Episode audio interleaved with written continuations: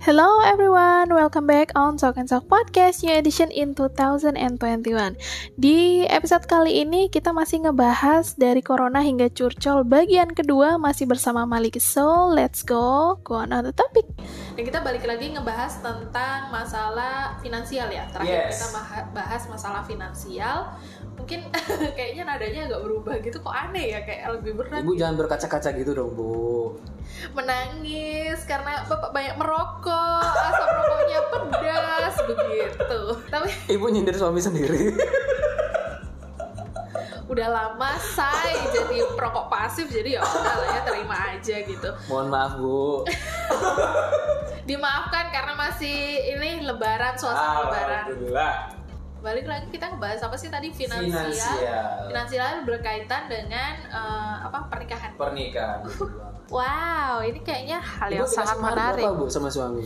aku nggak dikasih mahar sih tapi cuma biayanya itu bagiku itu udah mahar buat dia Uh, dari dia Lumayan. Bisa beli Honda Jazz berarti, Bu ya? Eh, enggak enggak Enggak, enggak. eh bisa bisa, Oh, bisa. DP itu Oh, kayaknya DP. Oh, alhamdulillah DP. Tapi mana mobilnya, Bu? eh tapi by the way ya aku tuh salut banget loh Lik Gimana, sama orang-orang Bali di Hmm? masa corona ini ya Yes. meskipun dari segi keuangan mereka terhimpit kalau Iya. bisa dibilang Hmm. itu tapi untuk upacara berbagai macam hal dari ngaben lah Hmm. nikah itu gila kayak yang gampang banget duit gitu loh. Totalitas dia dalam beribadah mungkin kan gitu. Tapi juga agak kenapa di Bali bisa tapi di luar Bali itu jarang ada yang gitu Hmm. gitu loh Iya kan kita tidak bisa memaksakan dalam segi finansial, Bu. Iya sih, cuma tapi kayaknya di sini tuh sederhana apa pun, tapi tetap duitnya juga Ibu banyak. tahu angka kemiskinan di Indonesia berapa? Wow, tinggi banget. Jangan tanya ke saya, saya bukan tugas sensus gitu. Tapi yang saya tahu itu sangat tinggi sekali dan itu dia Bu. dan bantuan dari berbagai Hmm. macam kita bilang nggak cuma pemerintah mungkin Ya. dari donatur-donatur Hmm. gitu ya. Itu juga belum 100% membantu gitu loh. Kadang Tapi kalau saya bisa anggap sih di luar Bali pun juga totalitas dalam mengadakan acara hal semacam itu. Iya, Terlebih lagi dan lain-lain ya. religius, religius juga banget dalam uh, upacara keagamaan. Kita anggap itu totalitas kita menghargai seorang wanita dalam Islam. sedih. Memberikan mahar sebaik-baiknya bagi seorang wanita gitu. Walaupun terkadang ya dari pihak keluarga wanita kurang bisa menerima. kurang bisa menerima hal semacam itu. Tapi by the way, Bu ada tisu nggak bu? Oh mau nangis ya, udah panas ya dia bahas masalah pernikahan. Lanjut. Ini nasib single apa kasihan, tapi nggak mau ngehujat. saya sering bertanya-tanya gini loh, karena keadaan dalam seorang pria ini kan banyak-banyak, maksudnya tidak sama semua nasibnya. Oke, Dari teman saya juga pribadi, Lik, ayo dong nikah. Eh, pernikahan itu juga ada- tidak hanya dari segi finansial, material kayak gitu. Iya betul, betul banget. tapi aku nggak setuju sih kalau Ya, teman yang lagi. seperti itu ya. Itu lagi. Kita nggak mungkin menghidupi seorang pendamping hidup kita karena itu teman hidup kita, Bener. teman curhat kita. Siapa lagi? Nggak mungkin ketika kita sudah nikah punya teman bicara selain istri kita atau dari istri suami kita sendiri. Apalagi gitu. uh, beda jenis ya. Iya.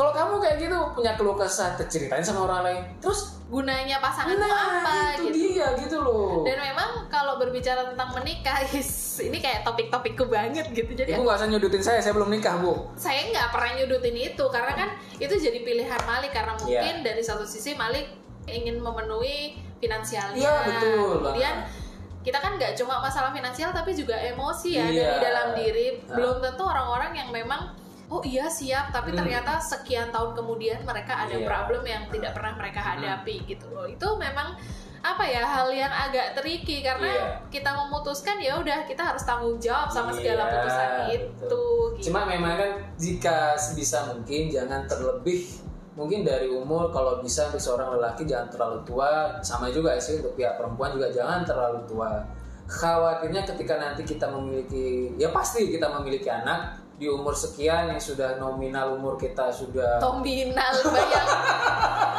Macam duit ya umur kita nomor ya. angkanya banyak banget gitu ya. Gitu tapi kan. Kalau aku sih nggak nggak terlalu setuju masalah usia ya Lik Hmm. ya karena bagiku sendiri eh, setiap orang tuh kan punya kesiapan mental dan fisiknya terhadap momok tentang pernikahan Iya. gitu Kalau di KB sendiri kan dari pemerintah pihak pemerintah kan juga mengusulkan kalau bisa wanita itu umur 21, 22 atau enggak 23. Mhm. Kalau wanita ya eh kalau pria dari umur 25. 23 atau sampai 25 Ah. sebisa mungkin. Cuma Tapi kan terkadang masyarakat juga apalagi kaulah muda memikirkan hal nikah muda. Kamu punya apa? Datang ke rumah kerja apa? Berapa gajimu? sakit cuy apalagi cuma ngandelin kantongnya orang tua coba. Nah, itu Nah, dia. itu aduh sebenarnya menikah itu bukan kayak cuma kamu sah di depan wali Nah. di depan agama itu Nah, nggak gitu konsepnya Lik Iya betul. Kita tidak sebatas finansial misalkan ada orang yang cukup finansialnya, tapi secara mental eh, fisik mental, emosional ya, kontrol diri kita bagaimana dan terlebih lagi paling penting di atas di atas semuanya itu adalah eh, pendidikannya kita. uh Serius. Banget. Tapi iya, iya, benar, benar, benar. Kalau kita tidak memiliki ya intelektual kita ya di bawah standar misalkan tidak mengetahui ini itu gono gini khawatir nanti anak kita bertanya-tanya pasti orang yang akan ditanya pertama kali nanti kalau misalkan anak kita main ke orang sana. tua Nah, ah, orang tua yang akan ditanya, Pak, ini sering kali ketika saya ditanya sebagai seorang guru, "Eh, Pak Malik, kita itu keluarnya dari mana sih? Anak kelas 1 SD gitu nanya, Pak Malik, kita tuh kok bisa sih keluar dari rahim ibu? Aku mau jelasin gimana gitu loh, bukan Iya, di iya. eh, gitu loh kayak gitu. Tapi kan orang tua lagi. Gitu. Eh, eh, eh. Tapi memang sampai sekarang pun orang-orang kayaknya nggak cuma di Indonesia Iya. ya untuk menjelaskan hal-hal yang berkaitan dengan sexual Iya, things itu betul banget. agak susah.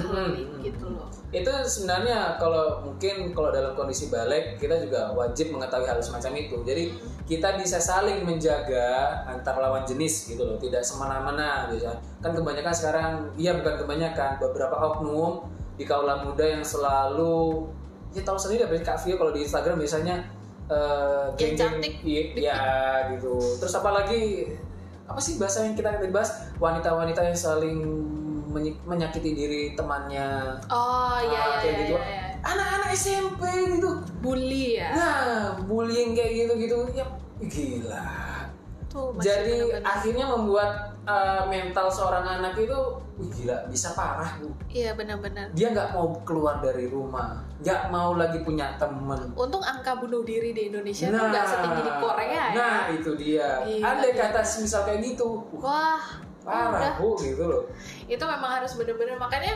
mungkin kalau kita dulu ngerasa kayak stres gitu Iya. yang kita masih belum kenal dengan kesadaran kesehatan mental itu Iya. ya udahlah acuh aja tapi kalau sekarang makin dewasa kita oh ternyata sebegitu iya. sangat berpengaruh pada kesehatan fisik juga ya gitu. Kadang juga kita kembali lagi masalah finansial itu juga kayaknya ya mungkin penting tapi kalau sudah dalam tahap kita sudah mampu dan kita sudah berkeluarga memiliki beberapa anak dan tanggungan lah kita iya, bilangnya. kita masih bahas mas kamu kok kerja terus? Dek kamu kok kerja terus? Pikirin dong keluarga saling melempar tanggung jawab. Gitu ya aku kerja juga buat keluarga. Gitu. bener. Ih, sadar. ini sabar sabar sabar sabar sabar. Ini curhatan pribadi Malik Loh, aku belum keluarga bu. Belum belum belum sabar li sabar soalnya kayaknya dari dari awal tuh kayak emosionalnya tuh bener-bener tidak terkontrol bapak Oh, gila banyak pengalaman yang saya lakukan. tapi emang eh, nikah itu nggak harus terburu-buru kok Lid karena Iya. memang harus disiapkan secara jasmani Tapi sebisa mungkin disegerakan. Karena gini, reproduksi bagi seorang wanita, rahim itu kan ada masanya juga toh. Ketika kita khawatirnya belum nikah, tapi sudah tidak haid lagi ya kayaknya. ya? Kayak oh gitu ya ya. ha. Kan nggak bisa Bereproduksi. Nah, Cuma gini sih kalau mengkaitkan dengan bereproduksi karena kebetulan aku kan juga belum memiliki Iya. momongan ya. ya. Itu kayaknya nggak hanya berpengaruh dari kesehatan rahim kita, tapi Iya. juga dari uh, seberapa. Lawan jenis juga. Iya, itu Nah. yang kedua. Terus yang ketiga itu ternyata juga hal yang berkaitan dengan kesehatan mental Iya. itu juga sangat berpengaruh, li Oke. gitu loh. Karena tanpa sadar misalkan aku nih kepingin banget punya anak gila Iya. staff-staffku aja udah Iya. banyak kan punya anak gimana kalau mikirin gila dalam satu waktu tuh aku pernah ngerasa kayak ngerasa di posisi yang bukan ini nggak nangis ya Iya. tenang aja Iya iya iya, nggak apa-apa. Berikut ini cuplikannya. jadi emang bener-bener kok belum ya kok aku tuh justru bukan kasihan ke diriku Iya. tapi justru menyalahkan diriku dan kasihan ke suamiku Iya, gitu iya.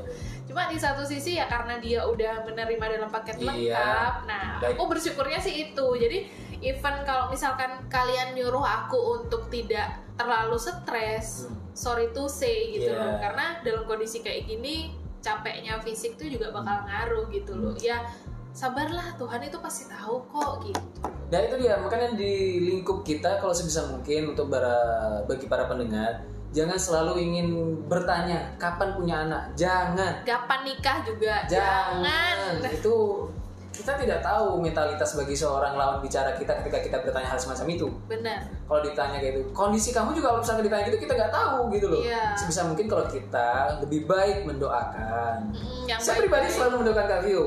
Saya selalu mendoakan semoga bulan depan, bulan depan dan selanjut selanjutnya bisa memiliki anak. Gitu. amin, Amin. Ya untuk sama untuk lah kayak Malik kembar lima kan bagus gitu loh bu. Malik tolong rahimnya nggak segede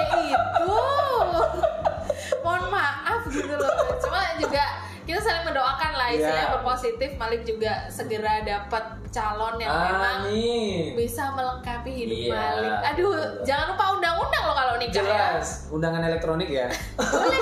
sekarang kan musimnya kayak gitu dah nggak zaman undangan kertas jujur aku dulu bikin undangan kertas kayak yang nggak guna Lik Iya. Nah itu dia. Kita balik lagi masalah pernikahan kan finansial juga masuk Boleh, kayak gitu. boleh. Hal-hal yang tidak perlu kita gunakan, kita keluarkan, kita anggarkan kayak gitu, udahlah kita minimkan. Iya. Ini dari pengalaman temanku dia curhat. "Eh, resepsi buat apa sih? Buat mewah-mewah?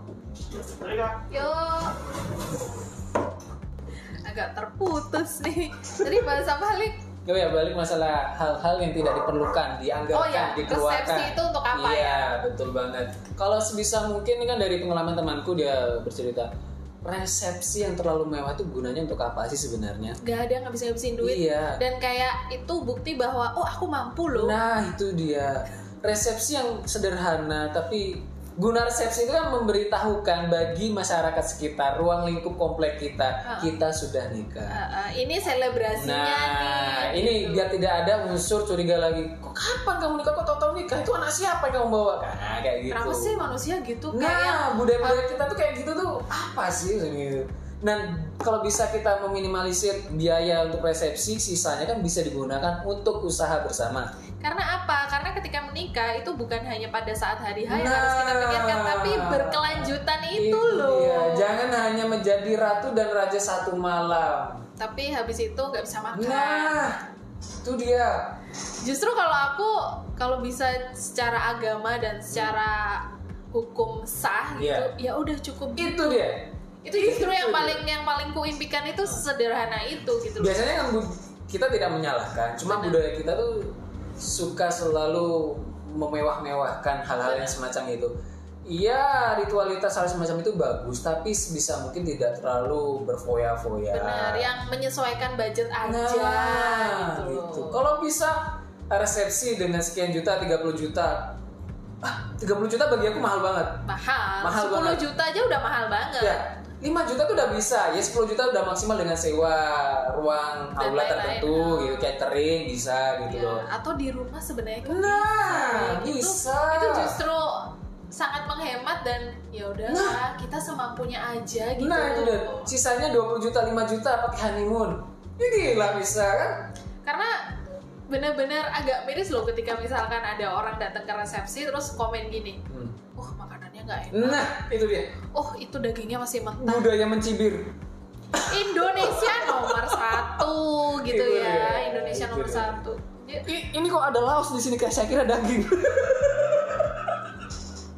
sangat curhat yang intimate ya bapak ya tapi benar-benar kayak yang udahlah semampunya aja Hmm. karena apa pun yang kalian pilih ketika menikah Iya, ya dari betul. segi mana pun juga yang bagus untuk dipikirkan itu ya ke depannya bukan Nah. hanya pada hari H aja Iya betul. Dan dua belah pihak antara eh, Suami keluarga dan istri. kita Dan dan, keluarga keluarga pasangan. pasangan kita, kita juga harus bisa menengahkan bagaimana sih baiknya kita besok untuk mengadakan acara Benar. biar tidak saling berselisih gitu. dan tidak saling ini nih lempar lemparan Nah. gitu loh ya udah kamu yang uh, meminang anak saya nah, kamu lah nah biasanya kayak gitu tuh. Biasanya kayak gitu. banyak kan Ya. masih Ibu gitu ya? Enggak. Justru untungnya sih enggak. Kalau kalian penasaran gimana prosedur pernikahanku, kalian bisa lanjut ke Oh, berarti masih ada berkas-berkas nota nih. Enggak. Oh, enggak. Udah lunas Bapak untuk Oh, udah lunas. gitu. Ya, Justru ya. karena dari situ pun belajar bahwa oh ternyata menikah itu seperti ini ya. Iya, Justru betul. justru ketika kita berproses dengan pasangan itu kita Mm-mm. mengenal satu sama lain Iya. gitu loh. Jadi bukan berarti kamu hubungannya lama bakal awet atau Iya. hubungannya pendek bakal awet tuh nggak mesti Iya. gitu. Aduh. Ah, tahun awal pernikahan ikan asin, 5 tahun ikan asin, 10 tahun ikan asin, sampai tua ikan asin bu. Sabar, sabar. Nanti udah punya anak ikan asin gitu ya. Tapi gini loh, Lip, kalau misalkan pernah ada di posisi yang bawah nih ya, Iya. kita bilang secara nggak cuma finansial tapi segalanya lah Iya. di sisi bawah itu sebenarnya kita bisa belajar lagi tapi nggak semua orang ya Iya, bisa ngambil pelajaran itu justru ketika yang di atas pun ya ada pembelajaran juga ada Iya. gitu tapi gimana sih kadang membuka pikiran orang tuh agak Susah buat open mind gitu. itu susah. apalagi untuk menggiring ke mereka cobalah berpikir yang Hmm. dari sisi ini gitu loh karena kan Biasanya orang-orang kayak gitu sudah terkena ya itu tadi kita ini iya ya, apa, doktrin doktrin. doktrin dari masyarakat gitu. Alah, sama lah kayak mitos-mitos yang kalau apa tuh? eh, apa namanya nyapunya nggak bersih suaminya Nah. berjenggot itu dia, itu dia. Jangan duduk di depan paman. itu sumpah saya nggak nggak terlalu yang apa sih Nah, itu itu dia. efeknya tuh sebenarnya apa Ya, gitu loh betul. jadi hal-hal yang udah kuno ya udah Ya. kita tuh udah masuk di era modernisasi Iya, globalisasi dan iya. teknologi udah makin Iya, canggih betul banget. gitu. aduh dari corona sampai ke pernikahan masya allah topik hari ini bener-bener quality time nyuri waktunya ini orang Tapi ya memang sangat riskan banget ketika kita ngomong iya bisa finansial itu sensitif banget dan riskan yang kita bahas tadi. Ada juga beberapa teman dari saya pribadi ketika sudah menikah eh, di bukan ditinggal bahasanya tidak dinafkahi tapi tetap berstatus suami istri. Gitu loh. Beberapa ya kita anggap satu tahun tidak dinafkahi namun sang istri ini tetap berjuang untuk memberikan tanggung jawabnya terhadap seorang anaknya Oke, sebentar. Aku mau nanya dulu. Ini dalam posisi tidak dinafkahi, yang si cowok ya berarti ya. Cowoknya itu bekerja atau tidak bekerja? bekerja dia bekerja di luar Sarah, di luar negeri gitu maksudnya Oke, tidak macam di TKI berarti ya? Iya, kita anggap semacam itu di luar negeri tidak memberikan spesial pun terhadap istrinya sampai katanya mendapatkan isu bahwasannya uang yang didapatkan dari kerja kerasnya dia itu bukan diberikan kepada istrinya melainkan ke keluarganya sendiri gitu loh. Padahal ada hak tanggung jawab utama itu kan seharusnya kepada keluarga pribadi dulu. Heeh, baru Jika sudah orang terpenuhi, tua dan lain-lain. nah, ya, orang ya, ya. tua, mertua, saudara-saudara sekitar itu harusnya runtutannya harusnya benar, bisa benar, lebih benar. baik gitu loh. Kalau anak sendiri tidak dinafkahi dengan baik, sampai namanya sesuap nasi tidak masuk dan ya aku mau makan apa? Aku kadang bertanya-tanya kalau ada, ah kasihan gitu loh kalau ada anak kecil nanya, ya sekarang makan apa? Gila pengen nangis gak sih? Nah kayak gitu gitu loh. Ya kita sekarang makannya sama lagi nggak? Kan ditanya kayak gitu. Ya gila gitu loh. Gila sih, tapi di sisi si istrinya termasuk kuat sih. Nah itu dia. Aku Tapi- salut gitu. Tapi pernah nggak sih kalau dari temennya Malik itu dari si pihak istri secara terbuka dan kepala dingin ya aku Iya. bilangnya itu ngobrol sama keluarga si cowok yang dikasih Nah. eh, materinya itu. Nah itu terkadang si teman saya ini curhat ke saya. eh, dia malah mengatakan bahwasanya dia malah ditekan. Ya kamu cari uang sendiri. Ngapain kamu ngandelin suami? Bahasa jeleknya tuh si suami masih netek ke ibunya. Le. Paham, paham kan itu maksudnya? kayak kalau aku boleh kursing itu motherfucker Iya, banget gitu. ya itulah. Kenapa sih kalau kamu tidak memiliki tanggung jawab, kenapa di awal kamu nikahi dia? Benar benar benar. Gitu loh. Dan kenapa, Kenapa yang cewek juga oke? Itu juga perlu kita Nah, pertanyakan itu gitu loh. dia.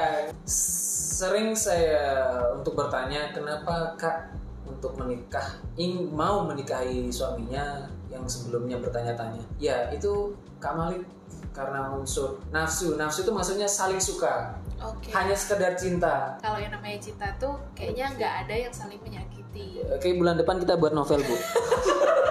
Ngebahas tentang pernikahan gitu.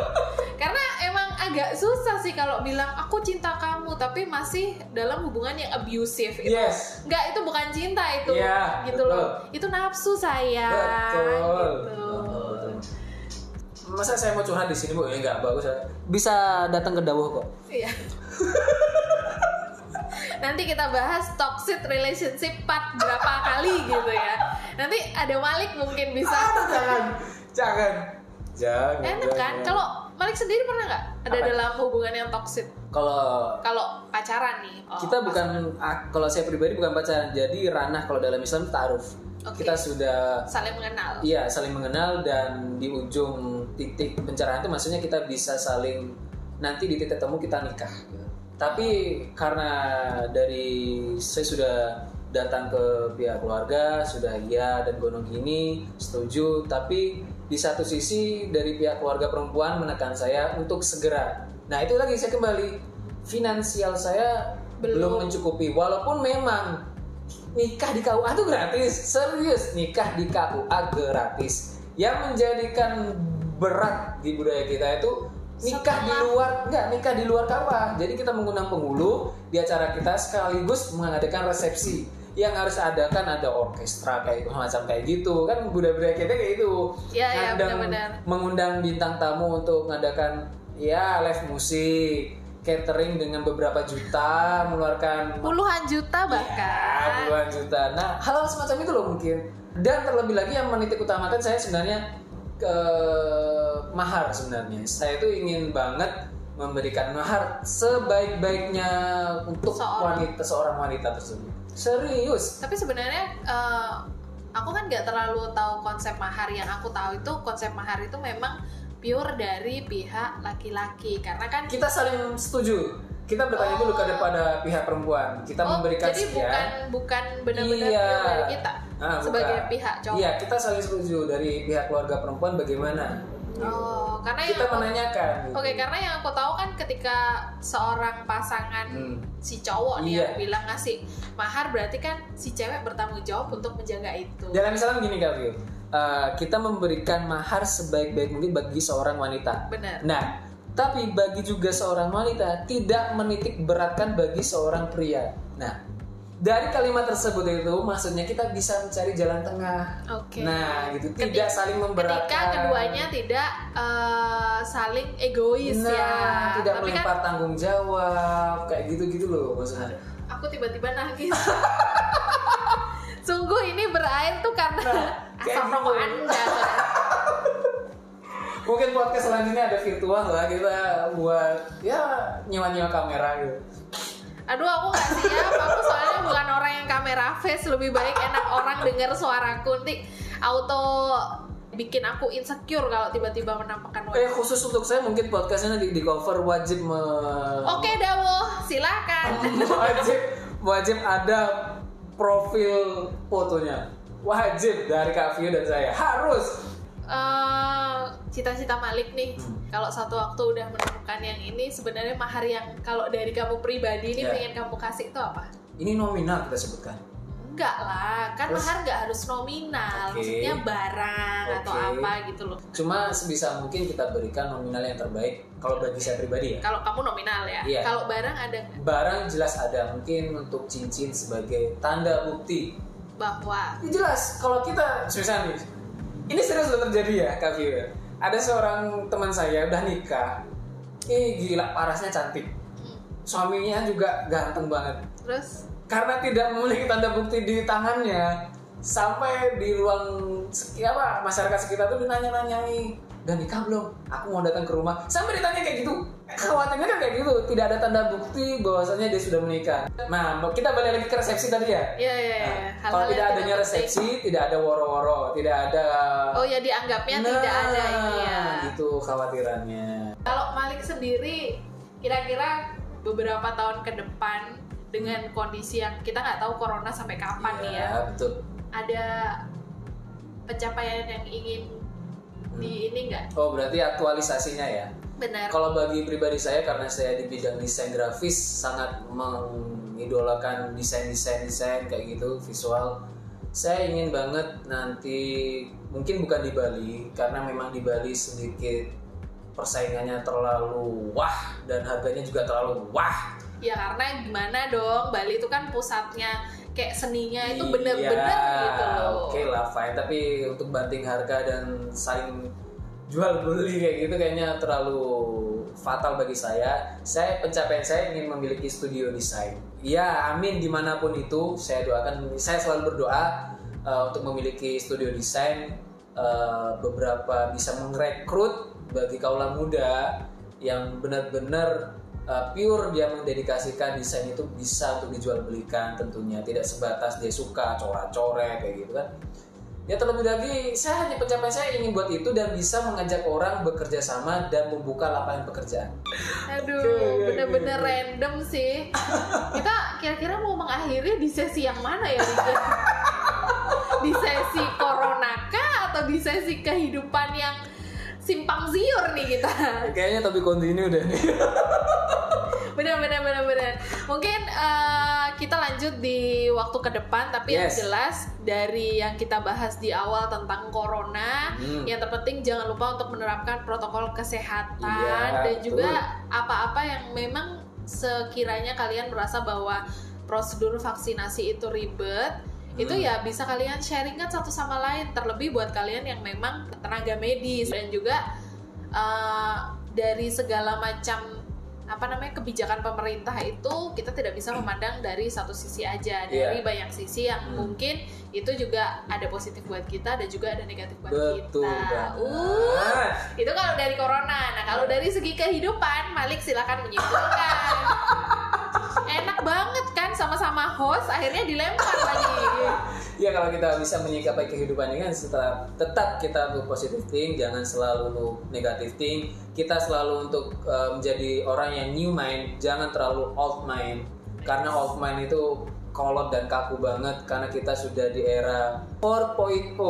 Kita sudah bukan orang-orang yang di zaman batu lagi gitu loh. Iya, iya benar. Dan kalau sebisa mungkin jangan kita untuk menjaga lisan kita jangan suka eh, memberikan argumen-argumen yang tidak baik kepada lawan bicara kita, kepada teman-teman kita karena dampaknya itu luar biasa sekali. Dan beda-beda ya efeknya Itu ke mereka dia. gitu. Ya, kita tetap menjadi orang yang berbaik hati lah, Bu. Sekalipun disakiti apa pun keadaannya, cobalah untuk tetap berbaik hati. Itu itu belajar dari ini sih. Apa? Apa namanya?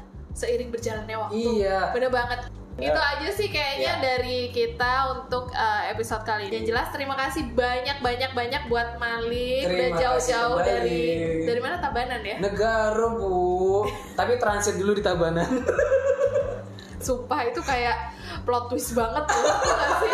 Kayak yang kayak aku ngajak orang jauh-jauh buat podcast. Eh, gila loh, aku serius loh ke sini. Sabar, nggak usah ngegas. Ya Allah. Ya Allah, suruh sampah dari ini ya. Tinggal aku nih masuk ke dawuh belum nih ya. Oke, next time.